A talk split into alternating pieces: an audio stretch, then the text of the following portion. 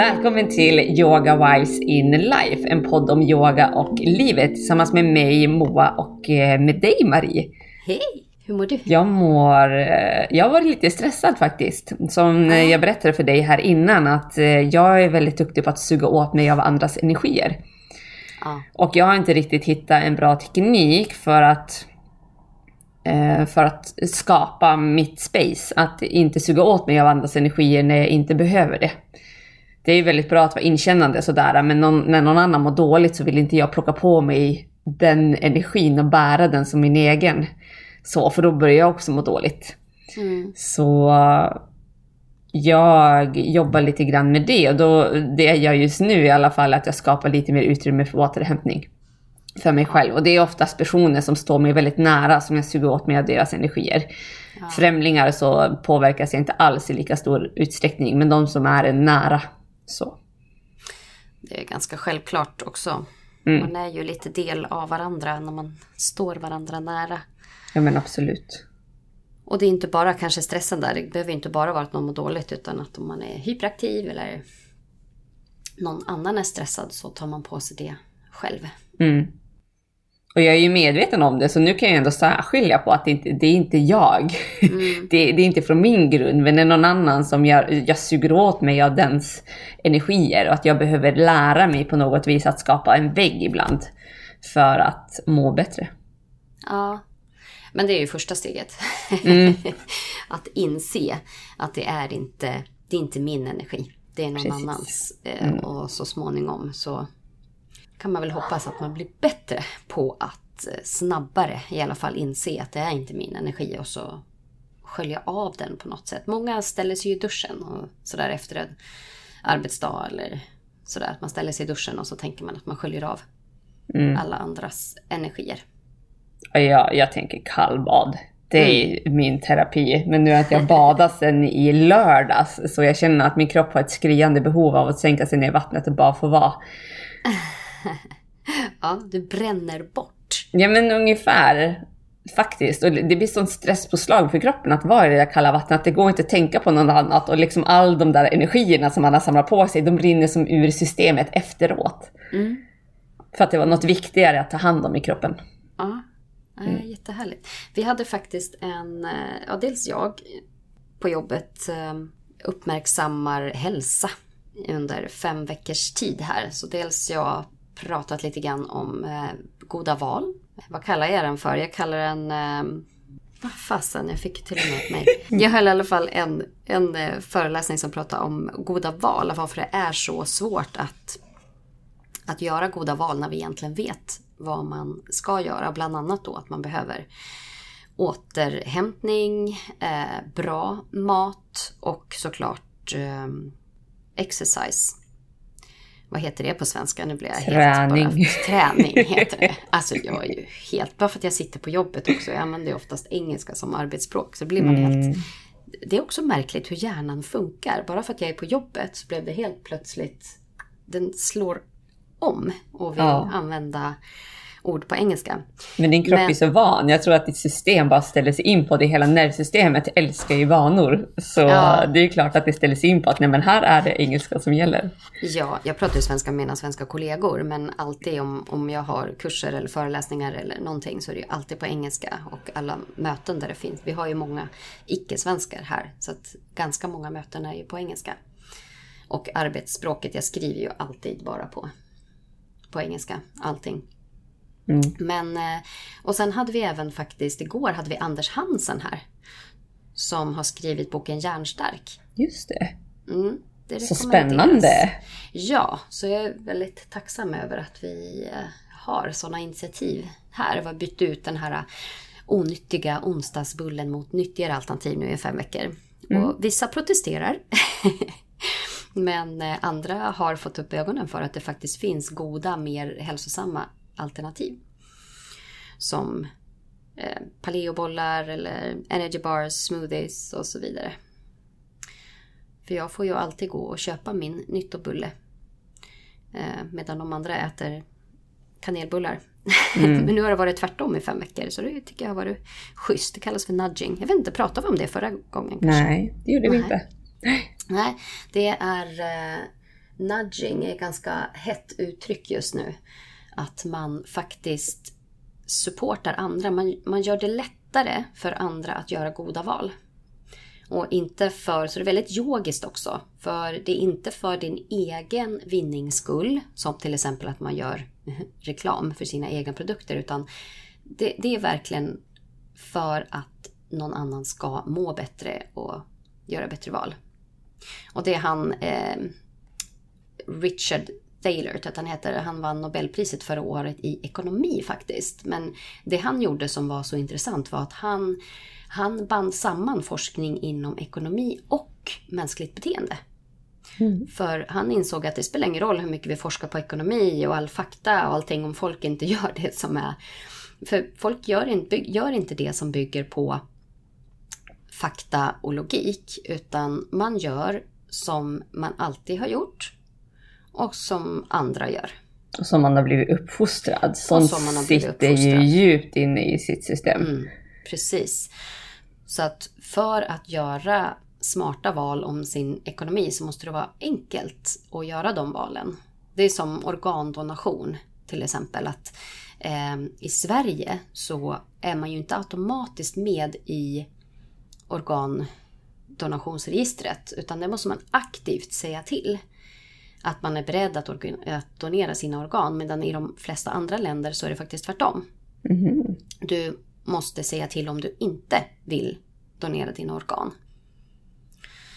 Uh, och, där, och det är ju på något sätt ett val som staten har gjort åt oss att vi inte...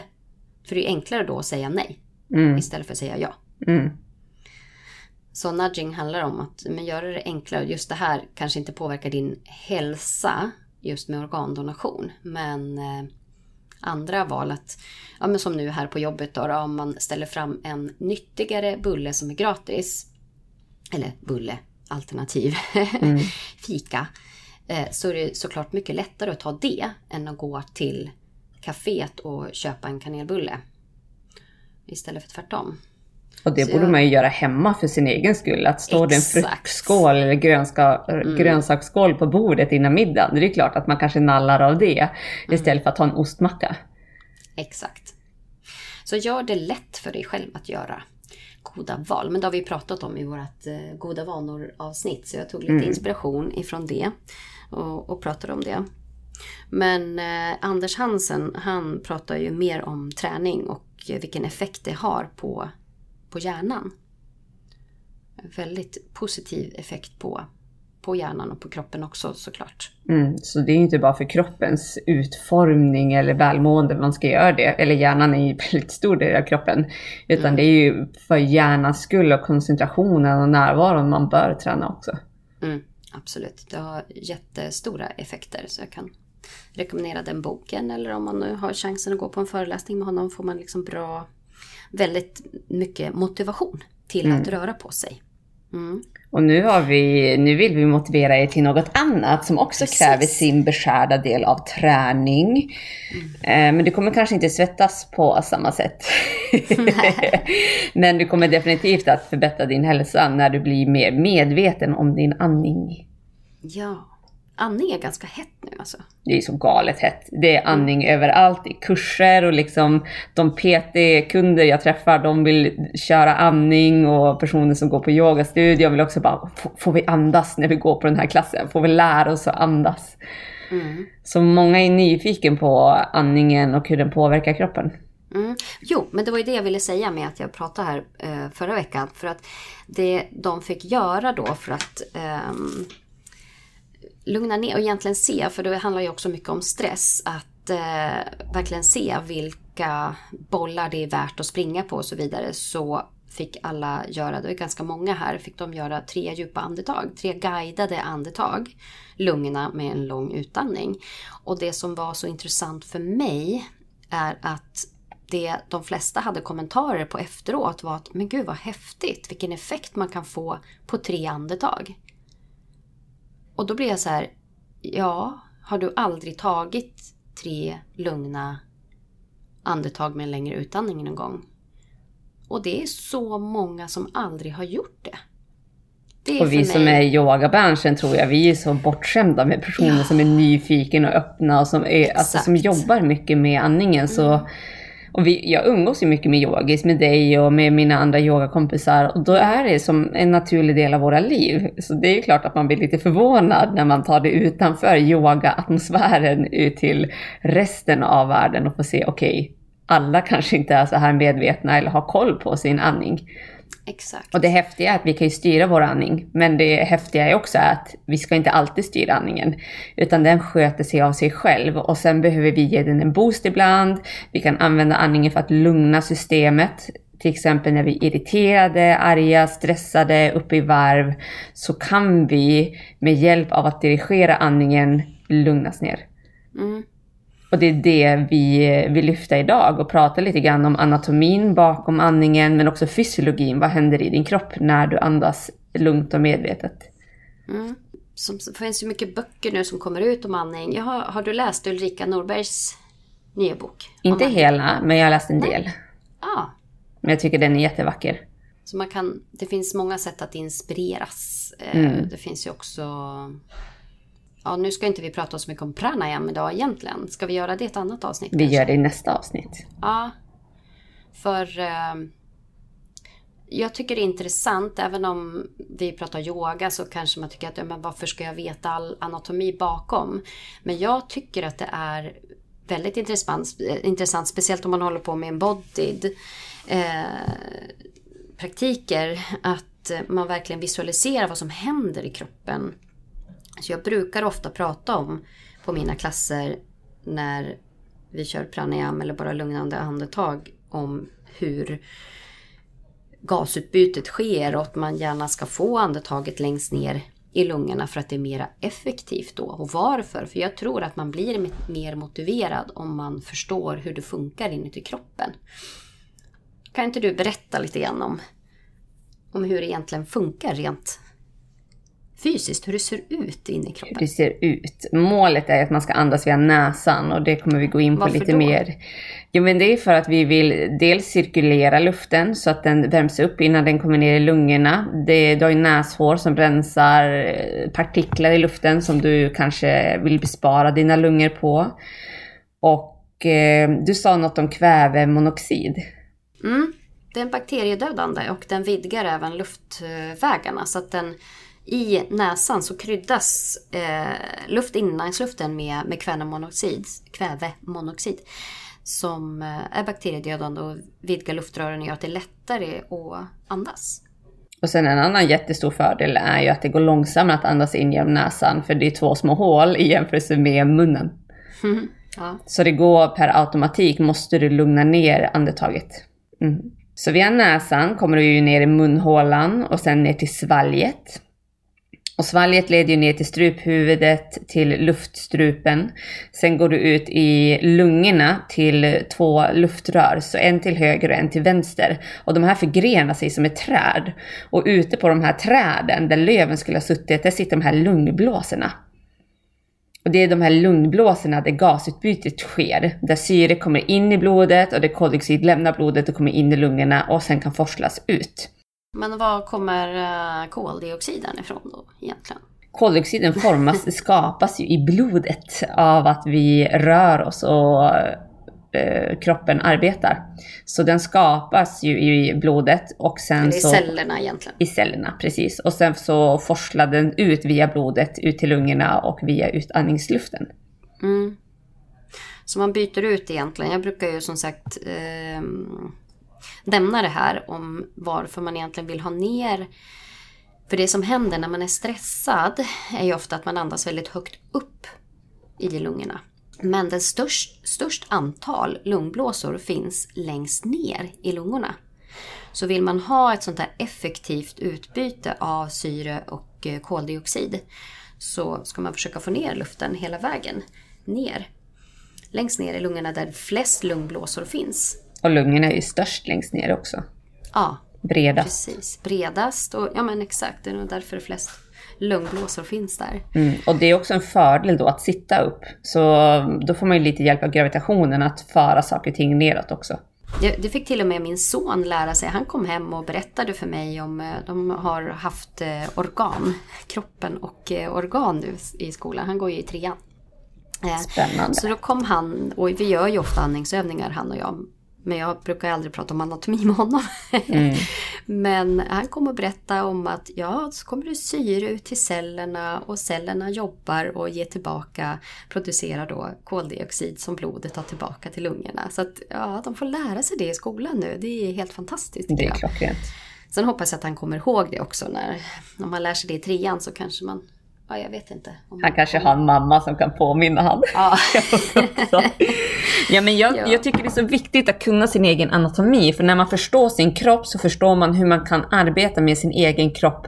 För att dels höja energin, sänka energin och vårda sin, sin vässel, alltså sitt fordon här genom livet. Och när du förstår din anatomi så är det mycket lättare att faktiskt visualisera det och bli fokuserad på kroppen. För när du får måla upp bilder för ditt inre så blir det lättare, tycker jag i alla fall, att bli mer närvarande. Än att man bara sätter sig ner och så sen så får man höra andas. Men man får inga instruktioner hur du ska göra, bara att andas. Ja, för man kanske har glömt bort. Det är ju det som är problemet med många idag. Att man har glömt bort, kroppen har glömt bort hur man andas på ett naturligt sätt. Och sen så skapar vi andningsmönster utifrån, eh, ja men utifrån eh, stress, utifrån levnadssätt, utifrån att vi kanske har tajta brallor som drar åt kring magen så att diafragman inte riktigt får röra sig.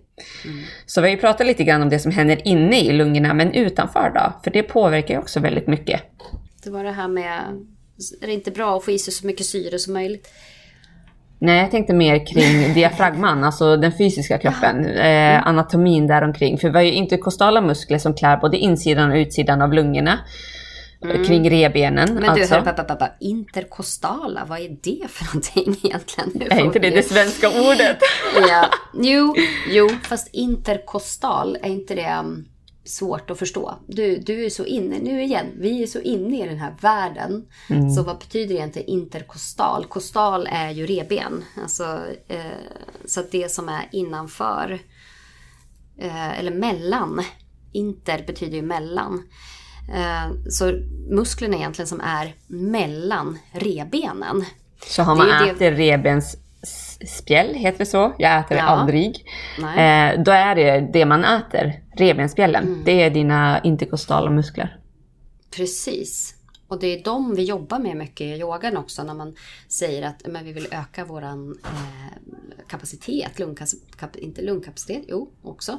För att eh, har man då mera flexibla muskler mellan revbenen så kan du ju öppna, bredda revbenen mer och få på något sätt känns det i alla fall som att man får mera plats att eh, andas. Ja men bröstkorgen rör sig mer. För är mm. de här mm. musklerna stela, vilket de blir av stress och när man överandas, vilket innebär att man ofta hyperventilerar, att luften inte hinner ta hela cirkeln runt i lungorna utan den cirkulerar på övre delen av lungorna. Och då blir det korta andetag och då stretchar man aldrig den här muskulaturen. Och det är klart att man blir stel då och då är det svårt att ta djupa långa andetag om musklerna håller emot. Mm. Precis. Oj, vilken smäll. Jag har fått en granne i den andra podden här. Jag sitter ju på jobbet. Eh, eh, så nu har jag en eh, kollega som pratar i telefon i den andra i den andra lilla mini. Det är som en liten bur. Mm, en liten bur! Ja. Instängd. en liten bur med glasdörr. Så jag ser folk som går förbi Eh, och sen tanken är ju liksom att de här ska vara ljudisolerade men det, de är inte riktigt det. Nej. Så sitter en kollega bakom så kan man höra mm. hur de pratar i telefon. Så du får prata nu. Mm. Så under lungorna finns ju också diafragman. Och diafragman är som en kupol som eh, täcker egentligen hela, eller som ett tvärsnitt genom hela överkroppen. Så ovanför finns lungorna och hjärtat och nedanför finns magsäck, lever och eh, dina tarmar. Så det är som ett tvärsnitt genom kroppen som delar in kroppen, överkroppen i två delar. Och diafragman är ju vår viktigaste andningsmuskel. Den står ju för ungefär 70-75% av vår andning.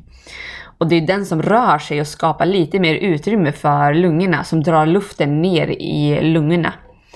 Och för att diafragman ska få möjlighet att röra på sig behöver magen röra på sig. Och det är det här jag älskar att våra organ ska glida omkring. Jag brukar ibland tänka som en skridskobana, att man vill som glida omkring och liksom bara mysa in sig. Tänk dig en klunga av hockeykillar som bara mm, mm, mm. Inte så här ruffar, utan bara så här mjukt och härligt, eh, ta det lugnt. Så... Ger varandra små puffar och massage. Ja men ungefär. Och eh, diafragman den plattas ju som ner. Den, den kontraherar och drar samman och då åker den ner så den blir lite plattare. För att lungorna ska få mer plats inne i bröstkorgen, få mer utrymme och då behöver magen röra sig. Och det är därför vi pratar så mycket om magandning. Att vi vill att magen ska expandera och vi vill att magen ska dras samman. Och när magen rör sig innebär det att dina inre organ förflyttar sig. De glider omkring där. Mm, för de ska och, inte heller vara stilla. Nej, precis. Men ibland så har vi den här tendensen att vi ska dra in magen, vi ska vara smala, vi ska hålla in den, vi ska ha tajta brallor. Vissa köper till och med korsetter. Efter graviditeten, då, då var det en av de sakerna man kunde köpa för att hålla ihop kroppen. Och jag bara, kan inte kroppen det här? Alltså varför ska vi människor köpa korsetter? Det är inget annat djur som behöver det. Kroppen vet vad den ska göra, den kommer att dra samman. Och ska jag ha den här korsetten då kommer jag inte kunna andas. Och det kunde jag typ inte riktigt under, under graviditeten heller för att det var en bebis i vägen. Så min diafragma kunde inte röra sig i den utsträckning som den behövde. Så efter graviditeten har jag fått lära känna diafragman igen. Hur rör den sig och hur kan jag få mer utrymme för den? Man ser att den sitter ju ihop faktiskt eh, med även hjärtat. Så i varje andetag så brukar man säga att hjärtat får som en liten puff och massage. Mm. Och det är också för att lungorna expanderar och mellan lungorna ja. sitter ju hjärtat. Jag brukar se det som en liten kärleks... Varje andetag är som en kärleksförklaring till ditt hjärta. Mm. Det är fint. Om du tar hand om ditt andetag. Ja, precis. Det ska vara en smekning. Ja. Inte en ehm, Ja men ibland blir det som en boxningssäck. Alltså vi behöver också den slags träningen för att kroppen ska må bra så att det får pumpa på och röra sig mer. Men majoriteten av tiden behöver vi inte det. Majoriteten av tiden ska det vara den här mjuka härliga massagen med eh, hårsstrykningen ungefär. Mm. Så det är den viktigaste anatomin skulle jag säga de interkostala musklerna, de som satt mellan revbenen så att de är mjuka och följsamma. För det är så sjukt häftigt. Revbenen i bröstkorgen rör sig mycket. Mm. Lårbenet, det sitter ju lite grann där det sitter. Det kan absolut röra sig, men revbenskorgen, den, den expanderar. Alltså det är som en sån här, vad heter det, manet i vattnet. Som, ja eh, väger ut och sen drar samman, brukar jag föreställa mig den. Att det är det här mjuka, följsamma. Och tidigare trodde jag inte att ben kunde röra sig, att det var stenhårt. För känner man på så här fake-skelett som man har på biologin, då är det ju stenhårt. Ja, det är stelt ja, så de inte rör sig. Mm. Nej. Men, eh, ja, men just revbenen, de är ju där som en skyddande korg för just lungor och, och hjärta och så. Men de är ju för att skydda innehållet. Så då har vi lite grann anatomin. Då vill jag gå in till fysiologin. Vad är det som gör att vi faktiskt tar vårt första andetag? Mm. Vad händer då? Hur fattar kroppen det liksom? När man kommer ut i magen. Det tycker jag är ganska intressant. Det är jätteintressant. Att en bebis fattar att man måste börja andas när man mm. kommer ut. Vilket trauma det måste vara. Ja, det är nog det mest eh, tuffaste de är med om i hela sitt liv. Ja. De? Det har väl du också? Ja, vi, vi allihopa som är uh, födda så är det ju traumatiskt att ta sitt första andetag. Eller det, det är... Ja. Jag tror det. Så det som händer handlar ju med koldioxiden att göra. Eftersom koldioxid skapas i kroppen när vi rör oss så behöver vi också forsla bort det här koldioxidet. Och koldioxidet i sig sänker pH i kroppen. Mm. Och det är lite inne att prata om pH-balans också. Vi vill ha pH-balans via maten, via drycken, via det vi äter. Men det är sällan vi pratar om pH-balansen via andningen. Mm. Och pH-balansen sänks när vi får mycket koldioxid i kroppen. Så när vi andas ut, då höjs koldioxiden. Eller höjs pH. Och när koldioxiden sänker pH i kroppen så skickar den en signal upp till hjärnstammen att upp, nu är det dags att andas, nu är det dags att fylla på, nu är det dags att släppa taget om eh, det gamla. Så att vi får det här gasutbytet. För vad, vad händer om man eh, andas, överandas då? Om man liksom hyperventilerar? Då får vi ju väldigt mycket syre in i systemet. Men är inte det bra då? Man kan ju tro det. Vi pratar ju om syre att ja, men mycket vill ha mer och ibland när vi pratar om vissa grejer så tror vi att ja, men det här är så bra, vi ska äta det här, bara det här. Elda på med ännu mer. Men det är ju lagom av allt. För det är ju så att när vi andas in så tar vi upp ungefär 25% av det syret vi andas in. Så 75% åker ut. Så det innebär att vi behöver inte så mycket mer. Då hade vi sugit upp 100% som hade kommit in. Så vi behöver ju inte andas snabbare, för då ökar vi den här mängden eh, syre vi plockar upp. Och då, får, då ökar vi ju pH i kroppen istället. Och då blir vi ju, det blir ju inte bra det heller, utan vi vill ju ha den här pH-balansen i kroppen som sker med varje andetag och den sker väldigt bra när vi har en lugn och jämn och rytmisk andning. Men vad, vad är bäst sätt att andas på? Hur ska man andas egentligen? Det, man säger att man bör andas ungefär 6 till 12 andetag per minut. Och har, och, och har man en försämrad andning så andas man ungefär 18 till 25, så då andas man ju snabbare. Och när jag är stressad då andas jag ju definitivt snabbare. Och högre upp. Och högre upp, precis. Så jag får inte samma cirkulation, får inte samma upptag och får alldeles för mycket egentligen. Får alldeles för mycket syre än vad kroppen egentligen behöver i den situationen. Ja, eller att man inte blir av med den koldioxid som... Mm, så det blir en obalans mellan syre och koldioxiden. Och det blir en pH-obalans i kroppen. Brukar du märka att du håller andan ibland? Ja! Gud ja! Eh, det, det, är lite häftigt faktiskt. Eh, till exempel när jag är väldigt fokuserad, när jag skriver sms eller svarar på mail eller sånt, då håller jag andan. Eller på yogamattan kan man ju märka det att man håller andan när man ska göra en position för första gången. Att jag bara shit, jag, jag måste fokusera alla mina sinnen på det här. Och då, jag tror det är naturligt att man håller andan, men sen behöver man påminna sig själv om att okej, okay, jag behöver fylla på. Jag kan känna ibland när jag är stressad att min diafragma liksom inte riktigt, den låser sig på något sätt. Mm. Och så måste jag, jag måste som verkligen dra efter annan. Och det är ju en, en effekt. Så på något sätt så, jag får som trigga igång min diafragma. Hur gör du det då? Ja, jag, det är nog en stor hjälp att jag vet hur anatomin fungerar att jag drar andetaget hela Sen tycker jag att eh, tantric breath har hjälpt mig mycket med att när man verkligen tänker att man riktar andetaget ner, hela vägen ner till magen och till bäckenbotten. Och sen låter utandningen komma från bäckenbotten och sen tillbaka upp. Eh, och det, det har hjälpt mig. Det har hjälpt mig mycket. Så om jag, om jag känner och men det är ju det här, jag märker jättemånga som verkligen som håller andan och så liksom drar man efter andan så här. Mm. Och det är, tecken, det är tecken på att man inte andas eh, djupt och rytmiskt och lugnt. Utan att man ibland förmodligen överandas då, att man andas för högt upp i lungorna. Att man kanske håller andan ett tag också, att kroppen bara nu, nu jäklar, nu, nu måste vi ja. göra någonting. Exakt. Och du, du beskrev det så himla bra med den här bilen. Ja, med syre och koldioxidbalansen. Ja. Man, man, tror att, man tror att det är så bra med mycket syre men att det var... Vi har ju läst en bok, både du och jag. Du har gått en kurs med Anders Olsson, heter han va? Precis. Ja, Medveten andning har han skrivit en bok som är på svenska som jag tycker är... Ja, den är lite överdriven ibland kan jag tycka. Men, Men är det inte så när man är expert att man nördar ner sig så extremt mycket på sitt område så man, ja. man får plocka russinen ur kakan och tycka att ja, men det, här, det här kan jag ta till mig, det här tycker jag är viktigt och det man precis. inte tycker är viktigt det går man vidare med. Ja, exakt. Det är precis så man ska, ska läsa böcker tycker jag. Ja men faktiskt, Var alla böcker. och sen ändå på något sätt, ja men funkar det här för mig och är det här verkligen sant?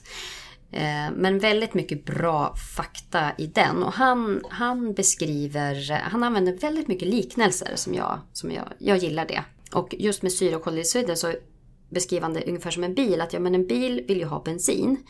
Och syret då är så ungefär som i människokroppen som bensin för en bil. Att om man eh, inte har bensin så stannar bilen. För om en bil får för mycket bensin så blir den sur.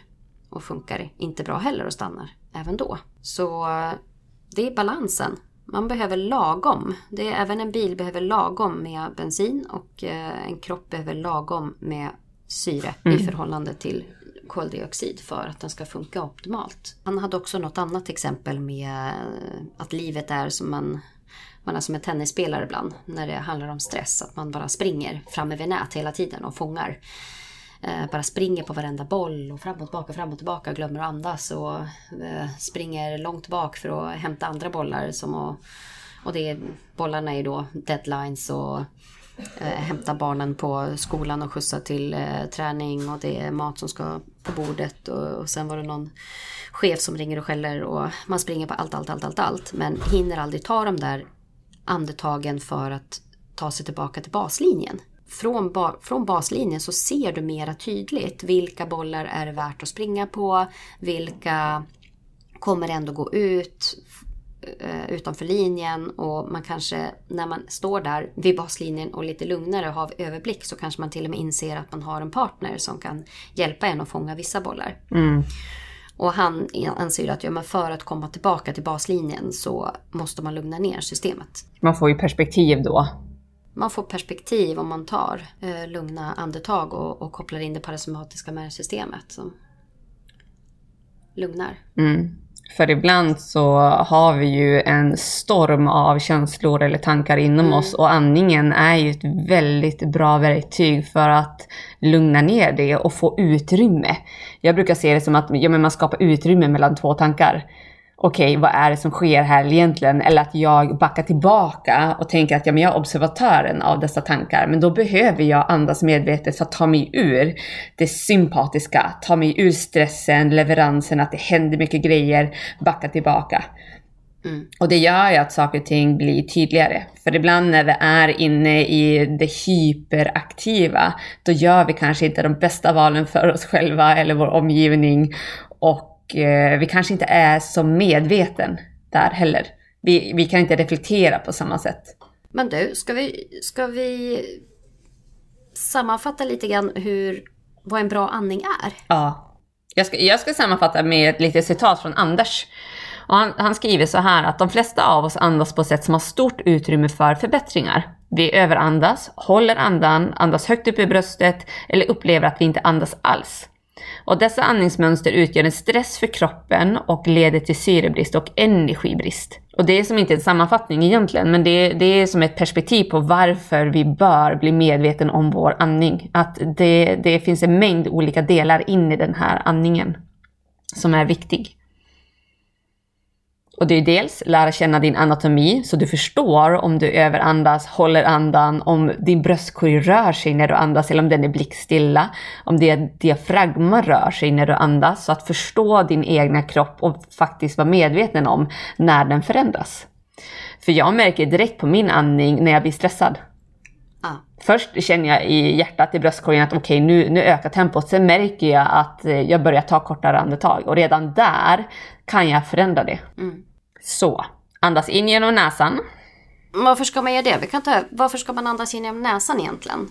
Ja men det är ju cirkulationen, rensningen, eh, kvävemonoxiden som är bakteriedödande. Så vi är lite schysstare. Det är som att filtrera kaffet innan du dricker det. Att du, du, du har inte kvar liksom kaffesumpen i kaffet utan du filtrerar kaffet. Så att det blir lite schysstare för kroppen att dricka upp det här syret. Uh. Och sen ska man andas med diafragman, med diafragman ja. För att inandningsluften hamnar då i nedre delen av lungorna också. Så där, och där är det bättre syresättning och gasutbyte. Och så får man den här massagen till organen. Muskelrörelsen gör att lymfvätskan pumpas runt. Det har vi inte pratat någonting om men eh, lymfvätskan pumpas ju runt av eh, muskelrörelser och just mm. diafragmans rörelse är en stor del utav det. Mm. Och så hjälper det hjärtat också. Man sänker trycket och eftersom kärlen som går in till hjärtat, de pressas samman och det blir mindre jobb för hjärtat helt enkelt om man mm. har en bra en, en, en, en välrörlig diafragma. Och sen avslappnad andning också. Mm. Eller hur? Var mindre stress. Mer närvaro. Ja, balans tycker jag. Klarhet och fokus. Att man kopplar in det parasympatiska nervsystemet då. När mm. man är avslappnad. Sen någonting som går igen mycket det är att den ska vara rytmisk. Väldigt mycket i livet är ju rytmiskt. Det är då vi mår bra, när saker har en bra rytm. Mm. Att det är ett samma, samspel och samarbete mellan organen. Timing, vi gillar det. Kroppen gillar det. Det är typ en vana. Skulle man kunna säga. En god vana att det är rytmiskt. Ja, men amningen, är den rytmisk så är den mera harmonisk. Mm. Och den gör att samspelet i kroppen funkar bättre för, förmodligen. Men sen också att den ska vara, att den ska vara tyst. Om man har en ljud, väldigt mycket ljudlig andning. Visst, man kan göra andningsövningar självklart eh, som, som låter. Men en naturlig andning är tyst. Och då har man också en bättre andning. För är en ansträngd andning så låter den ju mer. Då är den, och då är den mycket mer ineffektiv. Så när man snarkar till exempel.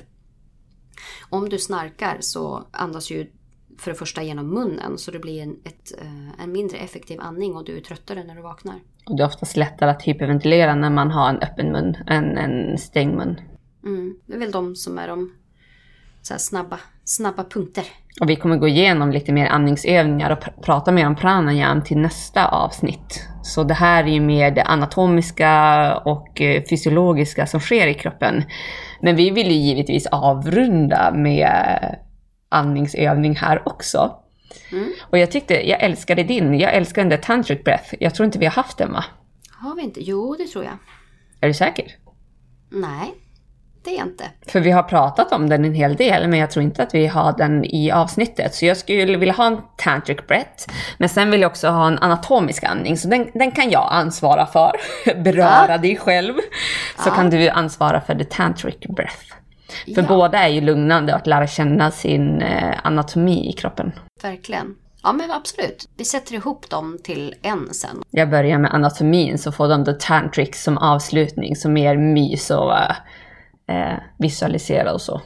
Ja, det blir jättebra. Mm, Men du Moa, då hörs vi en annan gång. det gör vi. ja, Mm, hej då. ha det. Hej.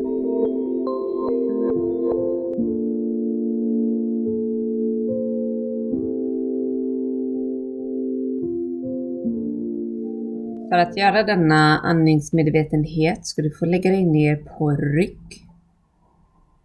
Och här kan du med fördel lägga något mjukt under dina knän, ett bolster eller kanske några kuddar. Så att du kan slappna av ännu mer i höften. Och det första du ska få göra är att placera händerna på magen. Händerna på magen så att du får andas djupt ner till magen. Och det du vill åstadkomma är att magen ska börja röra sig. Att magen ska ta plats, expandera. Och så småningom att magen ska dra samman. Och här kommer du också kunna märka ifall det är något som känns konstigt eller ovant eller kanske till och med svårt att andas ner till magen. Eller om det känns fullständigt naturligt. Och oavsett så letar du efter en rytmisk och eh, ganska långsam rörelse. För när magen rör sig så är det ett tecken på att dina magmuskler är avslappnade och att dina inre organ glider omkring så som de ska göra där inne så att din diafragma kan få ta plats.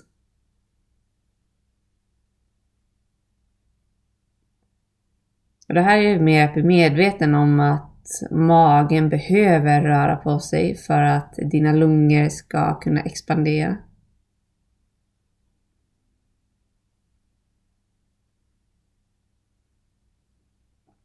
Så ta tre andetag till.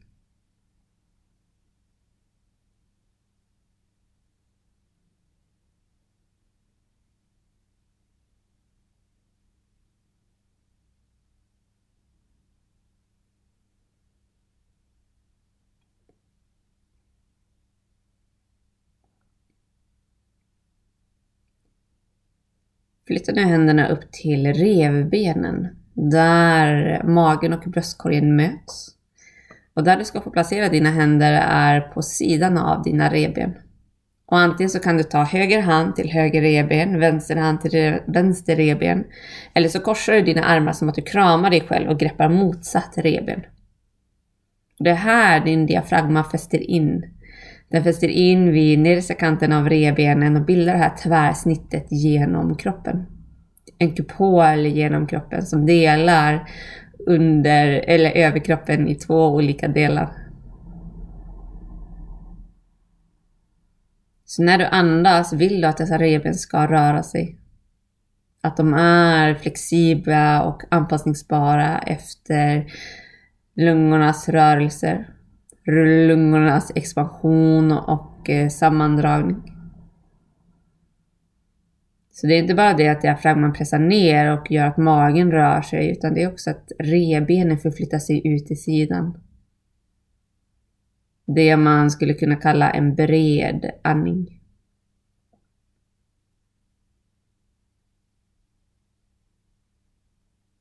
Och är det så att reben inte rör sig speciellt mycket så ha tålamod. Beröring gör att det är lättare för kroppen att registrera det området som du vill dirigera din uppmärksamhet till. Så med hjälp av beröringen och med hjälp av ditt fokus att skicka andningen till dina händer så kommer andetaget börja växa dit.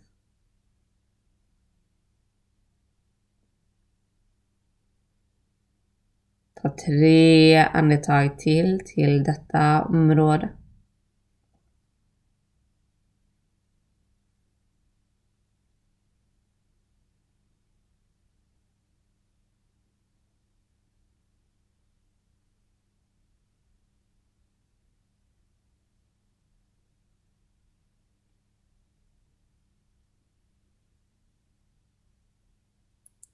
Flytta nu händerna upp till bröstkorgen.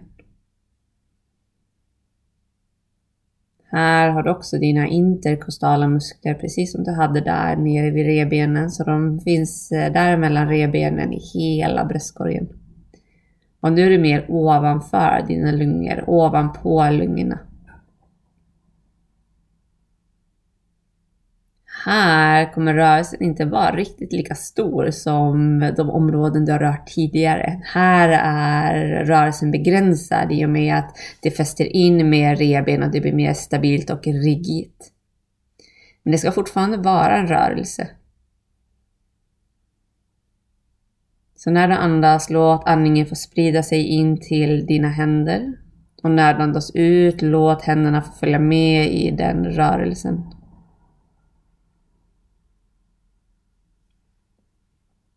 Kanske till och med att du kan känna av hjärtats slag mot dina händer när dina handflator är här. Och att med tiden och i och med att du ligger ner att pulsen successivt kan sänkas.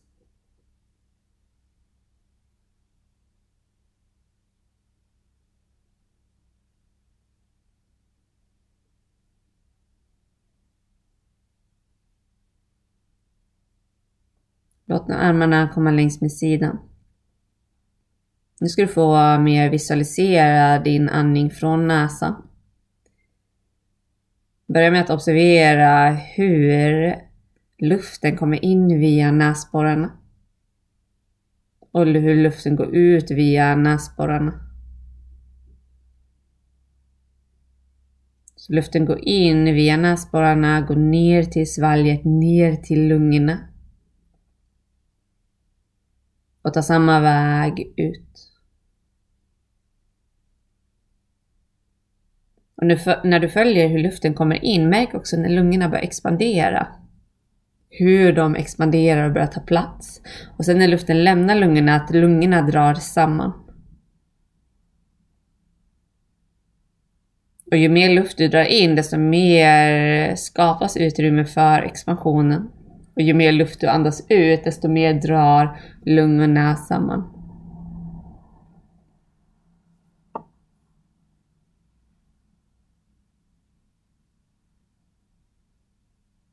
Och när luften kommer ner till lungorna då går den ju ut i förgreningarna ända ut till lungblåsorna. Där det här gasutbytet sker, där syre åker in i blodflödet och där koldioxid lämnar blodflödet och åker tillbaka in i lungorna. Eller tillbaka, de åker in i lungorna. Och sen så följer det luften ut i luften. Så visualisera den bilden hur hur du drar in, hur det går ner till förgreningarna i dina lungorna, ut till alveolerna, hur de släpper taget om syret in i blodet och hur koldioxiden byts ut där och förs sen ut ur kroppen.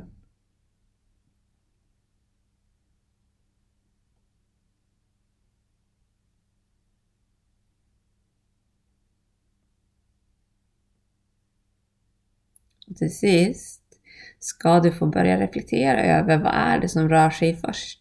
Från det att luften kommer in i dina lungor kan du märka av hur diafragman börjar röra sig. Om det är revbenen eller magen som rör sig först eller om det är bröstkorgen som börjar vidgas. Eller är det som att allt sker samtidigt? Och det är här du får börja gro din nyfikenhet. Vad är det som börjar i din kropp? Vad är det som händer när du börjar dra in luften? Vad är det som börjar röra sig? Rör allt sig samtidigt eller är det några delar som känns lite mer effektfulla, lite mer kraftfulla i förhållande till andra?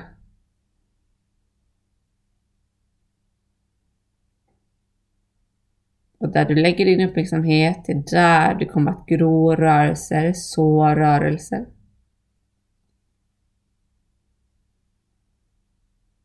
Så följ gärna andetaget några gånger. In via näsan för processen ner till lungorna, lungornas expansion, märk hur diafragman rör sig, hur bröstkorgen rör sig.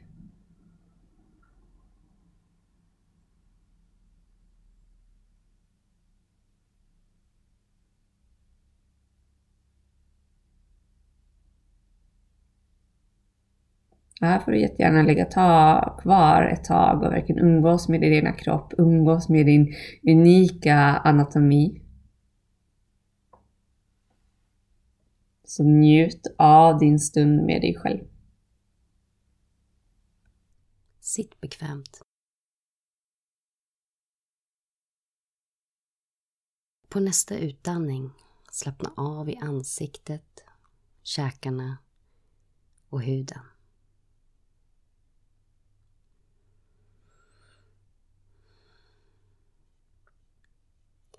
Notera sittbenens kontakt med underlaget. Kanske flytta lite fram och bak så du sitter rakt.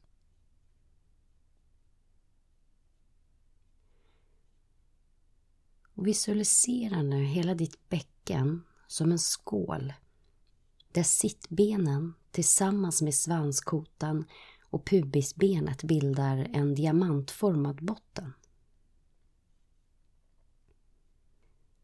Ovanför svanskotan sitter sakrum, korsbenet, som binder samman de två bäckenhalvorna och bildar en bas för din ryggrad.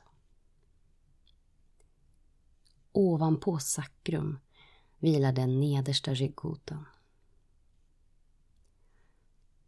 Med ditt inre öga följ resten av ryggraden som sträcker sig upp Först kurvar den in vid ländryggen.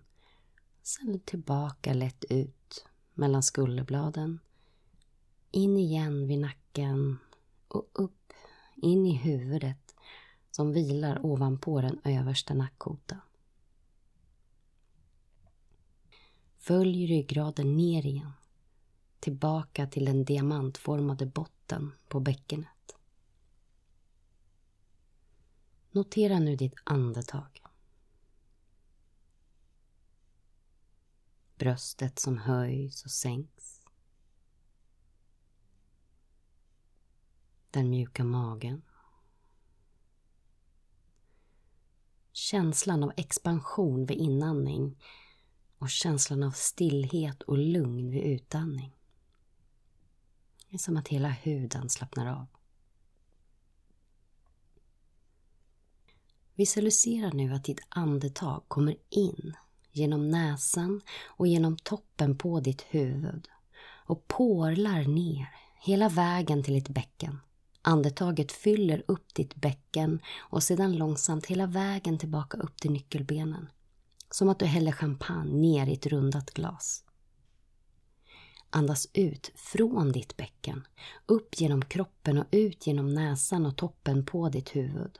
Som att bubblorna i champagnen stiger upp samtidigt som nivån sjunker ner. Andas in från toppen, pålar ner, fyller upp bäckenet och kanske hela vägen upp mot nyckelbenen. Andas ut från botten, upp. Låt ryggraden förlängas av utandning.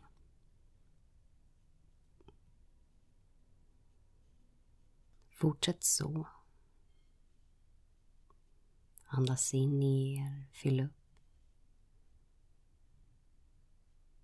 Andas ut från botten och upp.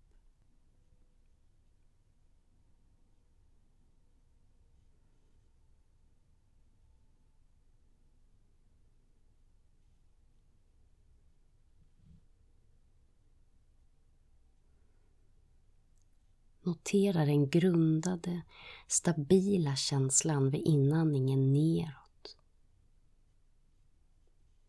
Och den lätta stillheten, lättheten, avslappningen vid utandningen riktad uppåt.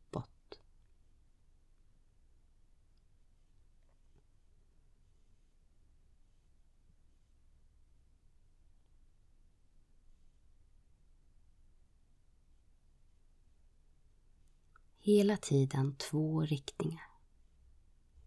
Samtidigt som energin och andetaget riktas ner, grundas och fylls du upp. Samtidigt som energin och andetaget går upp, töms, grundas och lugnas du. Apana på inandning prana på utandning.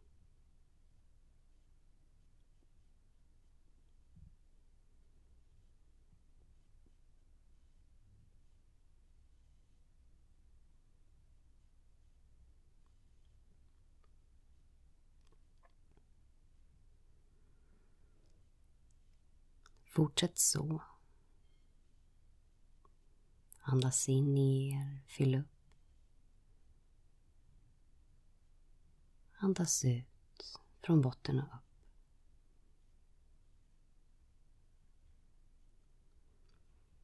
När du känner dig bekväm och hemma i detta sätt att andas och visualisera.